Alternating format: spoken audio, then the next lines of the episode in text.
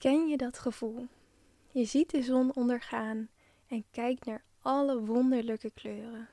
Je denkt, wauw.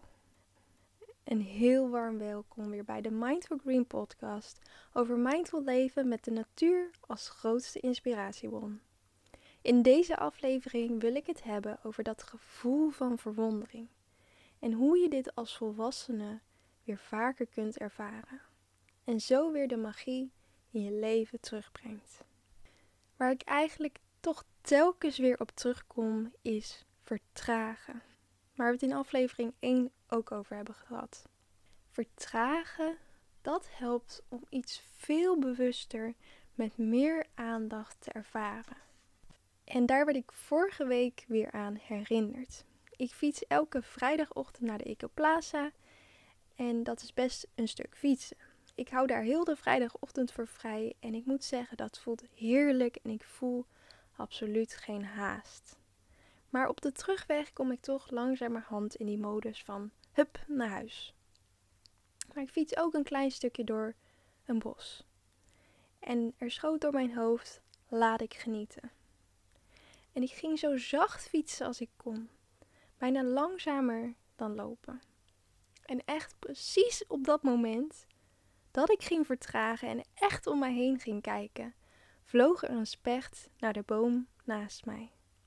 En je moet even weten, ik word echt enorm blij van spechten. Als ik een één dier moest noemen waar ik een soort connectie mee voel, dan is het de specht.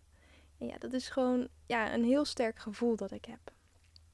Maar het betekent ook voor mij, je ziet een specht pas als je echt met aandacht luistert en met aandacht om je heen kijkt. En ik voel me oprecht elke keer weer verwonderd om hun getik op de boom te horen en om hen te zien. Vertraag en de wonderen om je heen, die zullen zich openbaren. En dat geloof ik echt. Dat doet me trouwens ook denken aan afgelopen winter. Toen ben ik met Jeffrey met de trein naar Zweden gegaan om zijn broer op te zoeken die in Stockholm woont met zijn Zweedse vriendin. Wij zijn absoluut geen stedentrippers, dus we zochten de natuur op in en rondom Stockholm. We liepen in het bos en ik hoor een specht. En ik hoor Jeffrey al denken, alweer? Ik moet hem dan echt vinden, die specht. En we vonden hem enorm hoog in een boom, echt heel hoog. Jeffrey kwam plots met een geniale ingeving om ons oor tegen de stam van deze boom te houden. Ik deed mijn ogen dicht en wauw, het klonk zo ontzettend bijzonder. En ik voelde zo'n enorme verwondering voor deze ervaring en voor dit moment. En iets anders wat ook heel bijzonder is om te ervaren, is om een, een kommetje van je handen te maken en dit achter je oren te plaatsen en je oren iets naar voren te duwen. Doe dit als je aan het wandelen bent. Ga ergens stilstaan en sluit je ogen. Neem even dat moment om heel goed te luisteren naar wat je allemaal hoort. Door je handen op deze manier achter je oren te plaatsen, bood je eigenlijk ja, de oren na van bepaalde dieren. Heel bijzonder om te ervaren. En wat, je, ja, wat mij dus helpt om ook die verwondering te ervaren, is om regelmatig mijn perspectief iets te veranderen. Kijk bijvoorbeeld eens omhoog.